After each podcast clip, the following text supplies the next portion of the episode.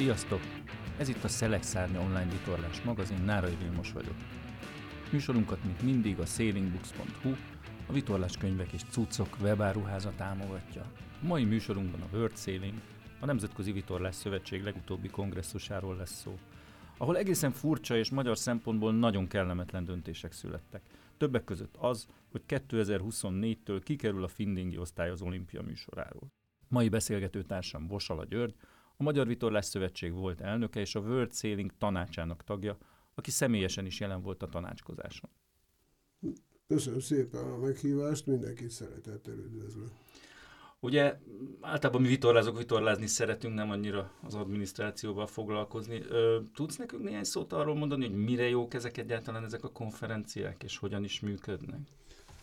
Hát az az igazság, hogy ha jók, akkor, ö, akkor ö, ott azért sok minden van, amit ö, el kell dönteni a vitorlázással kapcsolatban. Ez, ez, ez a világvitorlás szervezet, a Nemzetközi Vitorlás Szövetség, úgy hívják. A tagjai a különböző nemzetek vitorlás szövetségei, így a Magyar Vitorlás Szövetség is, tehát ez ezeknek a összefogó szervezete ami elvileg demokratikus módon választott vezetőséggel működik, és a versenyszabályoktól az összes olimpiai döntésig minden ágára kiterjed a tevékenysége és a meghatározó szerepe a sportágban. Ugye erről, a, erről az idei konferenciáról Ugye nagyon sokat lehetett olvasni, hiszen eh, döntöttek egy csomó fontos kérdésben, többek közt arról, hogy ugye a 2024-es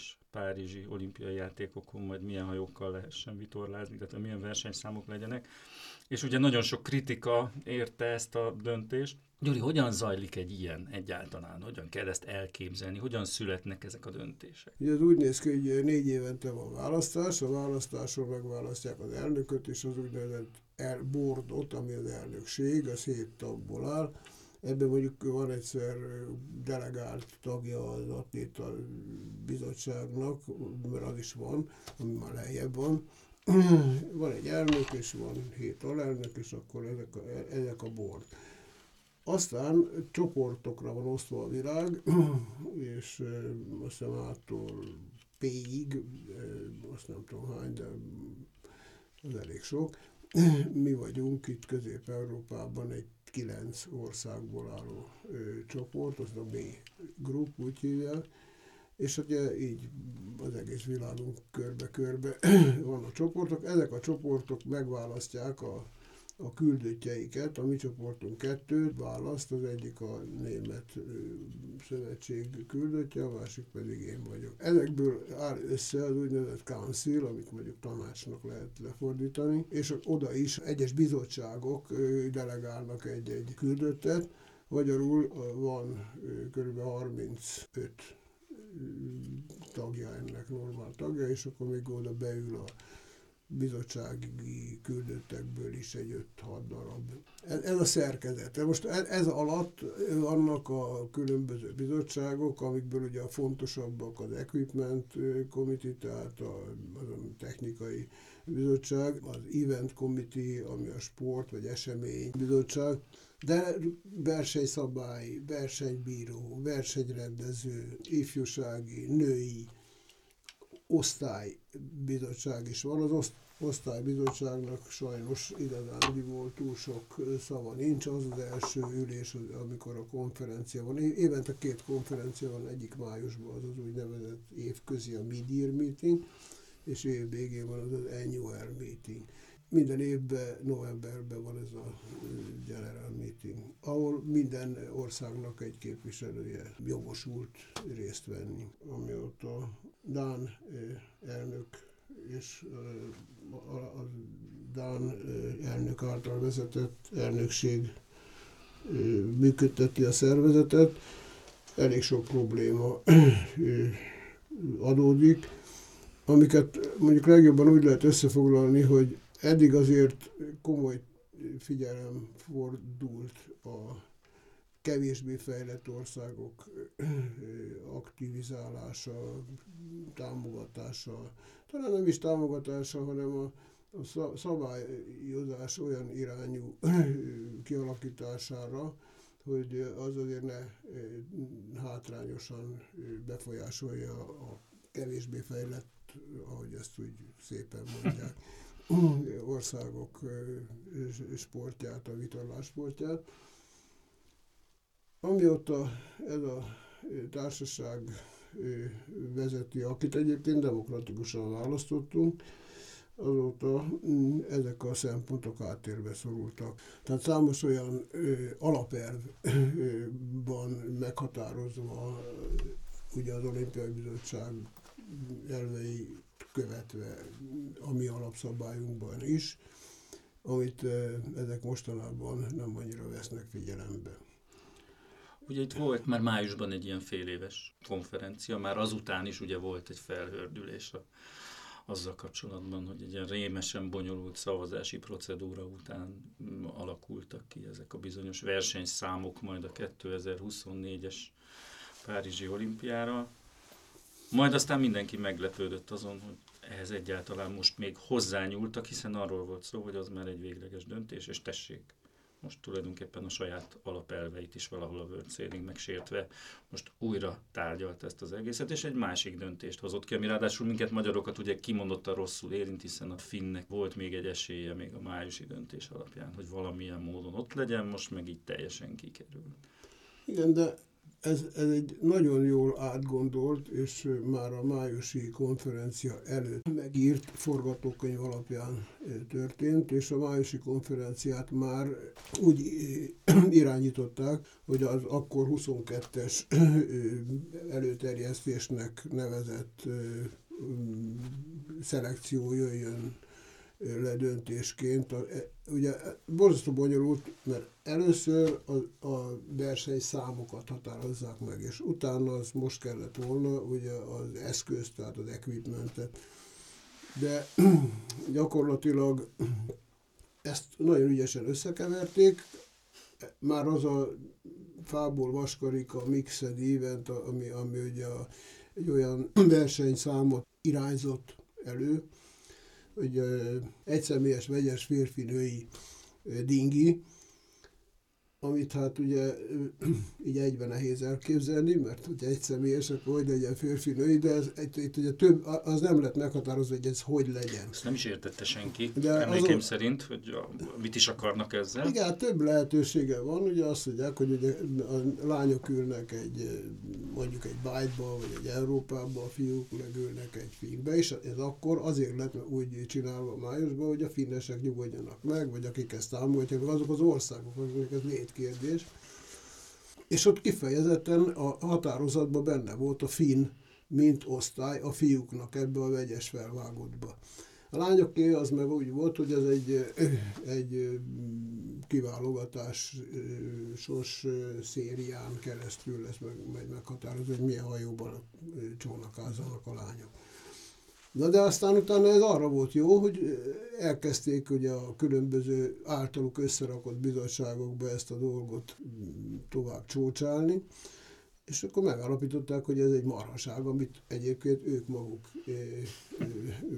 ugye, próbál, nyomtak keresztül a májusi konferencián, és olyan ügyesen állították be, itt ezen pucsszerűen csinálták, ezen a szaraszótai konferencián, hogy gyakorlatilag úgy nézett ki, mintha a kettő között lehetne választani, hogy vagy egy offshore kill, killer számot fognak betenni az olimpiára, vagy ezt a vegyes felvágott egyszemélyes női-férfi dingit. Amiből a findingit eddigre már szépen valahogy ki passzírozták, tehát az sem volt már biztos, ami akkor a májusi határozat alapján biztosnak kellett volna legyen, hogy ez a Findig egyáltalán benne lesz ebbe a mix eventbe. Az elnök beterjesztett, ugye a board nevébe, ott a konferencián, vagy a konferencia előtt egy nagyon rövid idővel, két előterjesztést, amit ugye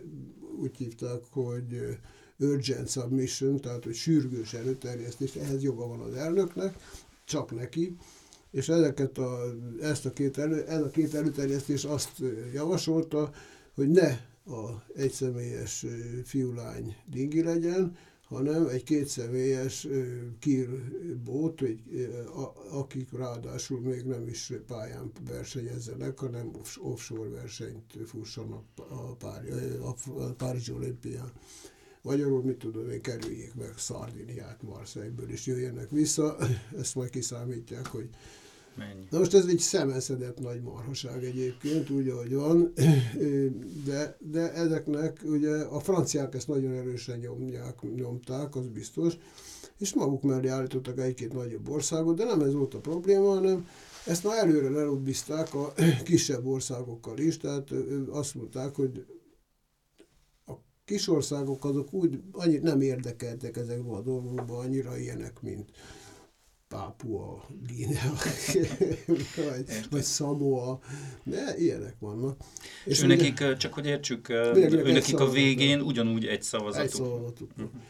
Na most ugye a councilba, councilba, ebben a tanácsba, ott rendkívül sok konflikt of interest van, tehát rendkívül sok hogy hívják ezt magyarul, konfliktus? Összeférhetetlenség. Összefér, összeférhetetlenség van, amit nem vesznek figyelembe, és ezért akik a, abban a tanácsban, be én is ülök, ott ülünk, annak a több mint a fele valamilyen szinten elkötelezetten érdekelt abba, hogy szeresse a vezérkar, ugyanis vagy vitorlaszabó, vagy hajóépítő, vagy versenybíró, vagy valami ehhez hasonló, és ezeknek, ezek ebből élnek. Magyarul nem fognak ellentkezni, ha lelobbizzák őket, hogy ide vagy oda szavazzanak. Nem, nem, mert az, hogy most akkor nem sikerül egy versenyszám az olimpián, az őket igazániból nem érdekli őket, az érdekli, hogy kapjon ilyen jogosítványt, vagy olyan jogosítványt. Sajnos ez így van. De a nemzeteknél sajnos most, ide, most ezt ott is nagyon jól előkészítették, és ott is lelobbizták.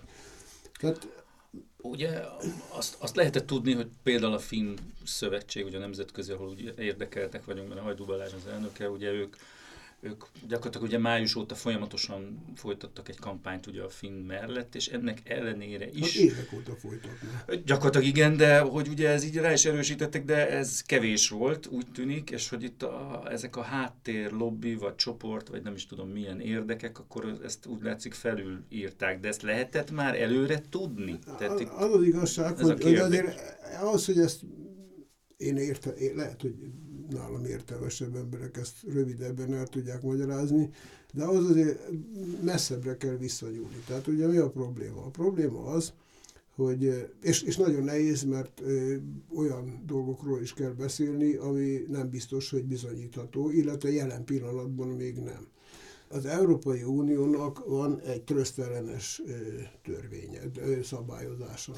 Nagyon komoly jogi vélemények szerint azt követelné meg a sportáktól, hogy csak olyan hajóosztályokat jelöljenek olimpiai szereplésre, amelyek szabadon gyárthatók, és nem egy monopolisztikus cég vagy személy kizárólagos joga alapján történik a gyártás. Ez egy törvény az EU-ban, amit a Nemzetközi Vitorlás Szövetség folyamatosan megszeg.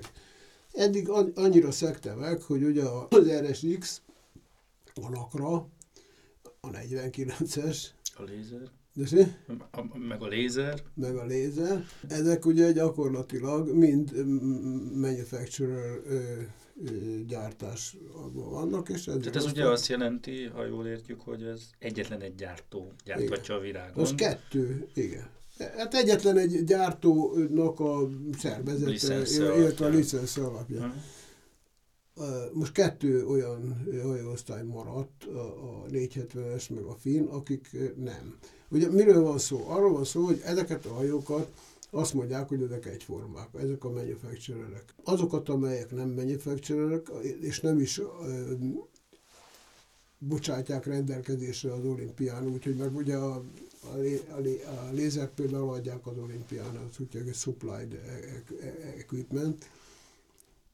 Ezeket a, a hajókat felmérők mérik föl, és megmérik jobbra-balra, hogy szabályosak-e vagy nem. Ez így volt régen mindegyik hajóosztályon. Amióta ezek a fiúk itt kezdik átvenni a hatalmat, szépen szorították ki az úgynevezett measurement klasszokat, a Findingi meg a 470-es volt az utolsó Mohikán, és most már ugye a 470-est lefelezték, mert csak egy 470-est hagytak, mert összeütették a fiút, a lánytot is, megcsináltak ezt a fából vaskarika mixed eventet, a Findingit meg most kiveszelték. Ugyanakkor azonban az Európai Unióban egy nagyon komoly eljárás folyik jelen pillanatban a Nemzetközi Vitorlás Szövetség ellen, amit ők igyekeznek elbagatelizálni.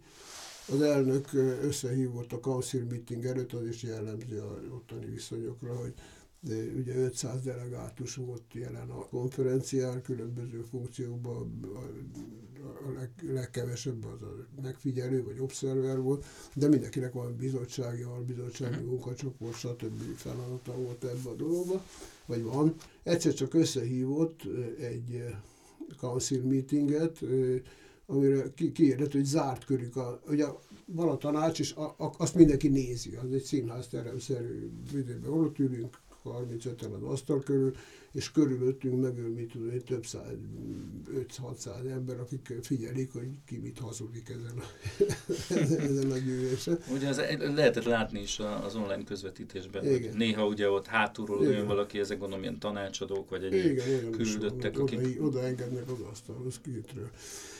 Ugye, és gyakorlatilag van ez a komoly eljárás a, a ellenük, ami sajnos EU-ban elég lassan mennek ezek a dolgok, de meggyőződésem, hogy azért a 2024-es olimpia előtt ennek a dolognak vége lesz. Ezen a titkos ülésen ez elkezdte mondani a, a Kim Anderson, aki ugye az elnök, elkezdte nekünk magyarázni, és kizárta belőle a másik 500 embert, aki, aki, aki azért jött, hogy a kanszírülést meghallgassa, de előtte egy nappal tartott egy ilyen titkosat, ami semmi másról nem szólt, mint hogy senki nem mondja el senkinek, azt, hogy mi a helyzet, de ő, ő, ő azt állítja, hogy ugyan nyilvánosságra került az egész ügy, az EU megírta nekik a levelet, abba egy rettentő ferdítéssel ugye azt csinálták, hogy az olaszok tették a följelentést az EU-ba. Na most az EU-ba megvizsgálták, és megállapították, hogy ebben a világ összes országa benne van,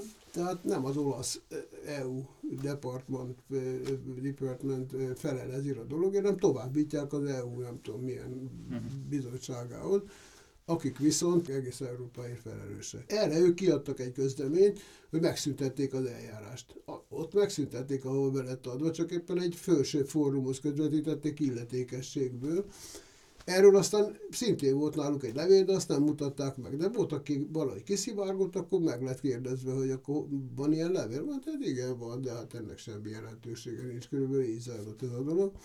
Majd előkerült a vitorlás médiában egy nagyon komoly ügyvédi vélemény, vagy szakvélemény, ami egyértelműen leírta, hogy ez, ezzel mik a problémák. Ugye egyszer van a törvénybe ütközés, az egy elég komoly probléma, de azon kívül ez az egész rossz, mert hogyha azt mondjuk, hogy a piac a szabályozza az arányokat abban, hogy a, az ár meg a minőség. Na most ugye azt mondjuk, hogy ha van, akinek monopóliuma van, az majd hülye lesz a legjobb árérték arányt produkálni, hanem inkább a legjobb árarányt produkálja, és amennyire lehet, olcsón állítja elő a terméket. Ha viszont verseny van, akkor egymással versenyeznek, és akkor a legjobb árérték arányú terméket veszi majd meg a fogyasztó. Ez történik most itt, hogy itt mindenki monopóliumban van, kivéve a Fint meg a 470-es, és olyan árat csinálnak, meg olyan minőséget, amilyet gyakorlatilag akarnak. Ez, ez, az egy, ez a gyakorlati része. Viszont keletkezett egy, egy ilyen legal opinion, amit egy nagyon komoly ügyvédi iroda írt, ami leírta ezt is, és leírta azt is, hogy milyen következményekkel járhat. Ez nagyon komoly börtönbüntetéssel is járhat a felelősök részére kiosztandó. De ezek já, bátor gyerekek, és mondták, hogy őket ez nem érdekli, és tovább tekerik a, a dolgot, mert most ugye még a fint meg a 1-470-est is kiraknak, és behoznak helyettük szintén két manufacturer osztályt. Most erre azt mondta az elnök, hogy ők bekértek egy másik ügyvédi irodától egy, egy szakvéleményt, és az a szakvélemény az pont az ellenkezőjét mondja ennek, mert az azt mondja, hogy itt azért nem egészen ilyen forró leszik ezt a kását. Mire meg, bátorkodtam a kanszil tagként megkérdezni, hogy hát akkor mutassa már meg, vagy mondja meg, hogy melyik ügyvédi irodától van ez, és szeretnénk mi is látni, miután ugye a másik kim van a médiában, hol van ez a szakvélemény. Hát az azt mondja, hogy ügyvédi titokra hivatkozva az titkos. De hát mondjuk, bocsánat, kérek, mi vagyunk a, a, a vádlottak az ügyben, mert a kanszil az ugyanúgy felelős azért, a, ami történik, mint az elnökség. Úgyhogy mi, mi előlünk ne titkolja a pozitív legal opinion, de hát őt változatlanul titkolta.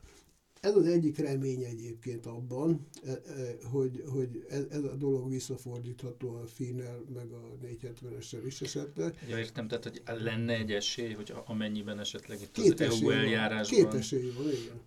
Valamilyen szinten mondjuk, mondjuk elviszik védkesnek találják őket. Hát mondjuk elviszik egy kicsit ifvárába, bezárják, és akkor így vitorlázhatnak onnan a kompjúterükkel.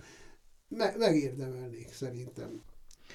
És akkor nézzük, hogy akkor mi, mi lehet esetleg a másik esély. A másik esély az meg az, hogy a, ugye van a Nemzetközi Olimpiai Bizottságnak egy úgynevezett programbizottsága, és azok ugye rakják össze az agendát a 2024-es olimpiára.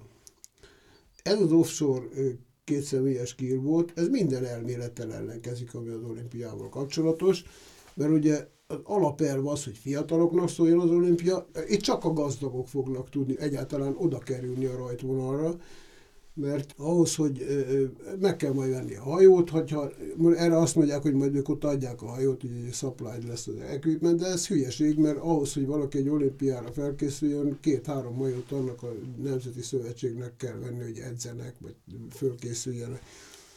A másik az, hogy ez egy kétnapos, vagy két-három napos versenyre van tervezve, ahol el kell vitorlázni valami szigetre, vagy valahol egy távol kitűzött célpontra, és ugye ez, ez Franciaországban lesz, Marseille-ből lesz nyilvánvaló indulás, és oda is fognak befutni. Éjjel tök flaute van által, általában. Reggel jön meg a Mistral, vagy nem Mistral, ha van egy front, akkor mit tudom én, a mindenhol másképp hívják szél. Ez egy halva született ötlet. Mi nagyon jól tudjuk itt Magyarországon, hogy a kék szalagot milyen nehéz közvetíteni. Hát az a másik. De az, ez, a, az, ez az, egy az hasonló történet, tehát egy, egy vagy két napos verseny. Ez sokkal komolyabb problémák is vannak. Tehát a, a legkomolyabb probléma, ami általában nem ismert, hogy micsoda mérhetetlen költséggel jár egy egyáltalán egy vitorlás olimpiának a biztonságának a megoldása.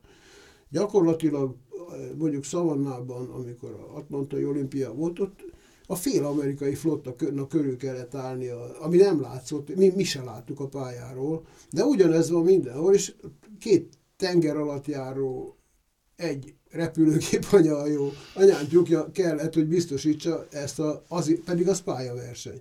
Na most itt mi lesz? Itt az van, hogy éjjel elindulnak nappal, éjjel, nappal, éjjel, két napig fognak vitorlázni egy irányba, meg vissza, ami egy óriási terület, amit le kell biztosítani. Ennek az ára sokszorosan meg fogja haladni ugye azt, amennyibe ez idáig került ez a dolog. Ez nem nagyon fog tetszeni az olimpiai bizottságnak, és plusz, a, a, amit te mondtál, a, a média közvetítés is rettenetesen nehéz lesz. Ezt csak azért említettem, mert ugye amikor a, az egész kiindulása, csak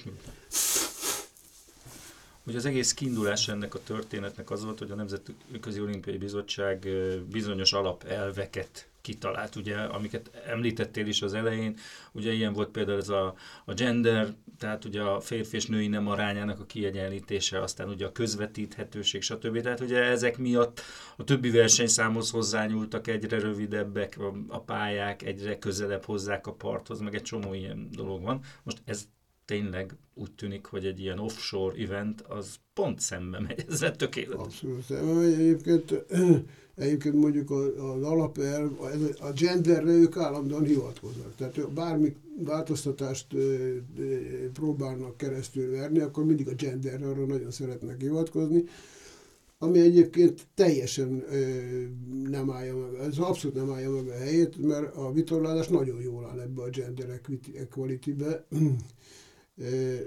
mert hogyha azt veszem, hogy mondjuk például a miúszásban ahol a csajoknak be van fogva az orra egy csipesszel, ott milyen arányban vannak, akkor meg hát nagyon sok sport, a tornában lényegesen több lány van, mint fiú, nálunk pedig már majdnem 50-50 százalék volt Rióban is. E, e, ezek, ezek olyan dolgok, alapelvek, ami alapelvet nagyon megsértenek, az az, hogy diszkriminálják a 85 kiló fölötti fiúkat. Ez a, ez a legnagyobb disznóság. Tehát most eljutunk oda, hogy 85 kiló fölötti fiú nem fog tudni olimpiára menni, mert, mert nem lesz olyan hajó, ami alkalmas erre, mert azt mondják, hogy majd a killboatba üljön bele, de oda nem fog tudni, mert egyrészt soha az életében nem lesz annyi pénze, hogy ezt se neki, se másnak, mert aki ott a pénzt fogja adni, az majd maga akar beülni a hajóba. Ezeknek a hülye gyerekeknek, akik velem egyidősek, voltak olyan sötét elképzelések, hogy na jó, hát akkor most milyen jó lesz, majd van pénze, vesz két ilyen hajót, fölkészül és megnyeri a hazai válogatott, és elmegy a kvalifikációra, és újra olimpiai szereplő lesz. Az elég nyilvánvalóan látszik, hogy nekünk egy offshore killboat event az nem kimondottan az a fajta versenyszám, ahol mondjuk nagy magyar esélyekre lehet számítani. 49 landlocked, úgy hívják, hogy landlocked ország, az vagyunk mi, ugye, amelyik be van zárva, és nincs tenger. 49 ilyen ország van a világon. Ez is egy diszkrimináció. Na most mi hogy menjünk offshore Bár mondjuk a kék szalag az egy kicsit azért hasonlít az offshore. hát én ezt csak a közvetítés miatt mondtam egyébként, ugye, hogy ezzel sokat küzdöttünk, hogy hogyan lehet egy érdeklődést fenntartani, egy néző érdeklődést egy ilyen hosszú eseményen. Ráadásul ugye szét is húzódik a mezőn, tehát nem együtt vannak, hanem hanem mindenki máshol. Tehát ez egy nagyon, nagyon hát nehéz. Hát gondolj bele, milyen olimpiai érem lesz az, hogy elrajtolnak mondjuk egy Misztrálba, mit tudom én, hova fognak menni, lehet, hogy a valahova is Spanyol-szigetre, vagy Korzikára gondolom én. és akkor elrajtolnak egy misztrálba, leszáll az este, és eláll a szél. És ott fognak ülni egy tök flautéba, körülbelül 8 óra hosszat, vagy talán még tovább. Az egyik kap egy kis leheletet jobbról, és elmegy 50 kilométerre, vagy 30 kilométerre a többitől, és utána megnyeri az olimpiát, azért mert véletlenül arról jött a szél. Mert ezt körülbelül így fog kinézni ez a dolog. Semmi köze nem lesz ahhoz, hogy ki hogy föl, van fölkészülve. Mondjuk nyilvánvaló, hogy majd a franciák megszervezik, hogy súgnak, valahogy megoldják, hogy honnan fogják tudni, hogy merre kell menni, de hát ezek ugye mi tudjuk, hogy ez nem mindig jön be. Sokszor az ellenkezője igaz annak, amit a meteorológia mond.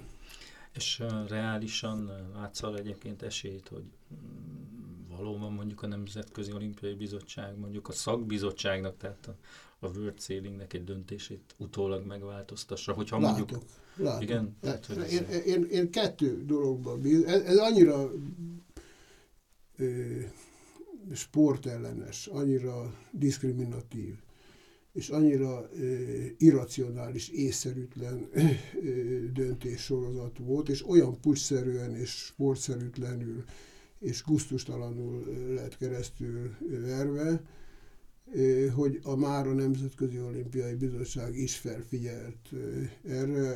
Egy Szermi Young nevezetű alelnöke a IOC-nek már írásban is nyilatkozott ezzel kapcsolatban, ami ugye hát egy figyelmeztető jelnek kellett volna legyen, de nem vették ezt se figyelembe, mint hogy azt se, hogy az európai törvények megszegése miatt eljárás indult már, az is folyamatban van.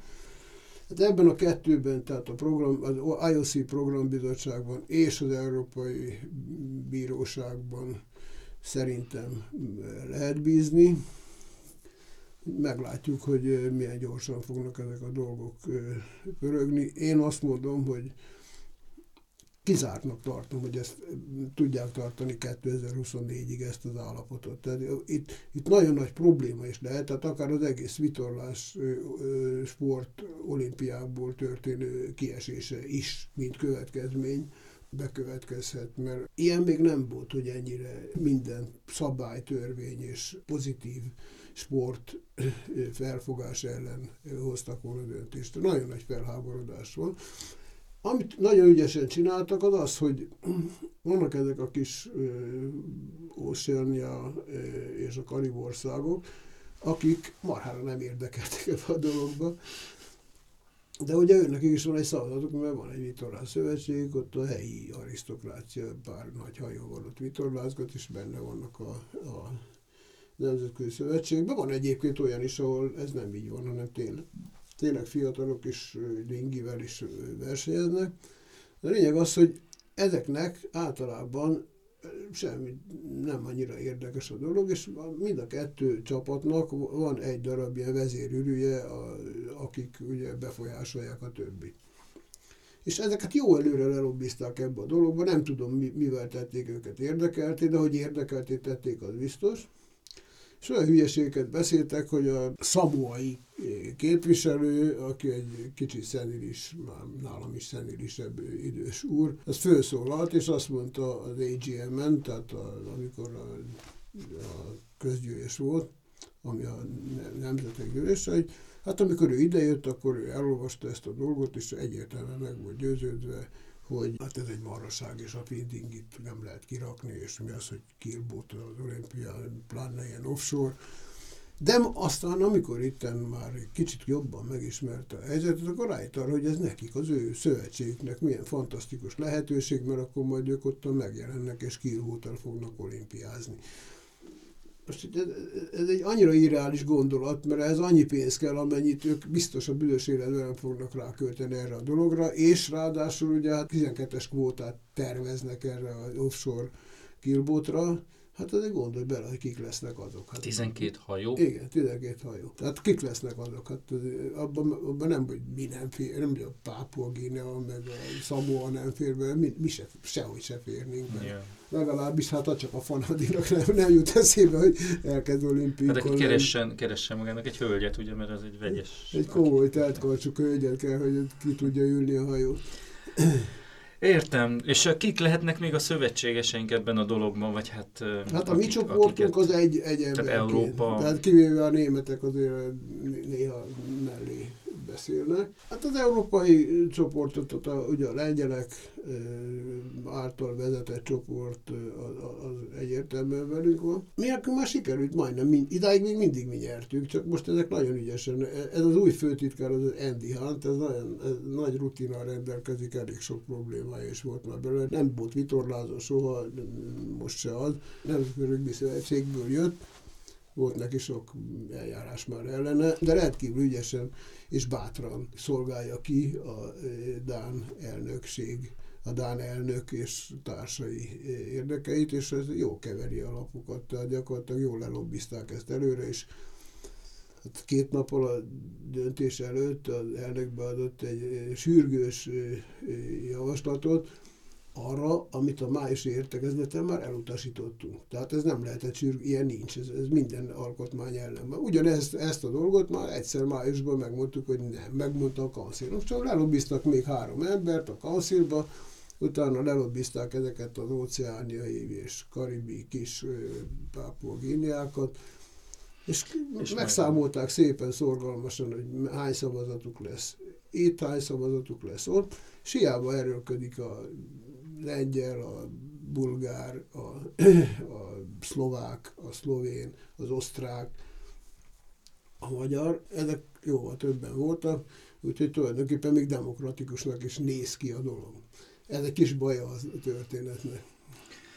Hát köszönjük szépen ezeket a, a, hát, a színfalak mögül származó információkat, és akkor közösen reménykedjünk abban, hogy ez a ez a döntés, ami, ami számunkra nem, nem túlzottan kedvező, ez talán még nem egy végleges döntés. Én biztos vagyok benne, hogy nem. Gyuri, ha bármilyen új fejlemény van, akkor fogunk keresni, és reméljük, hogy újra el tudod nekünk mondani. Jó, A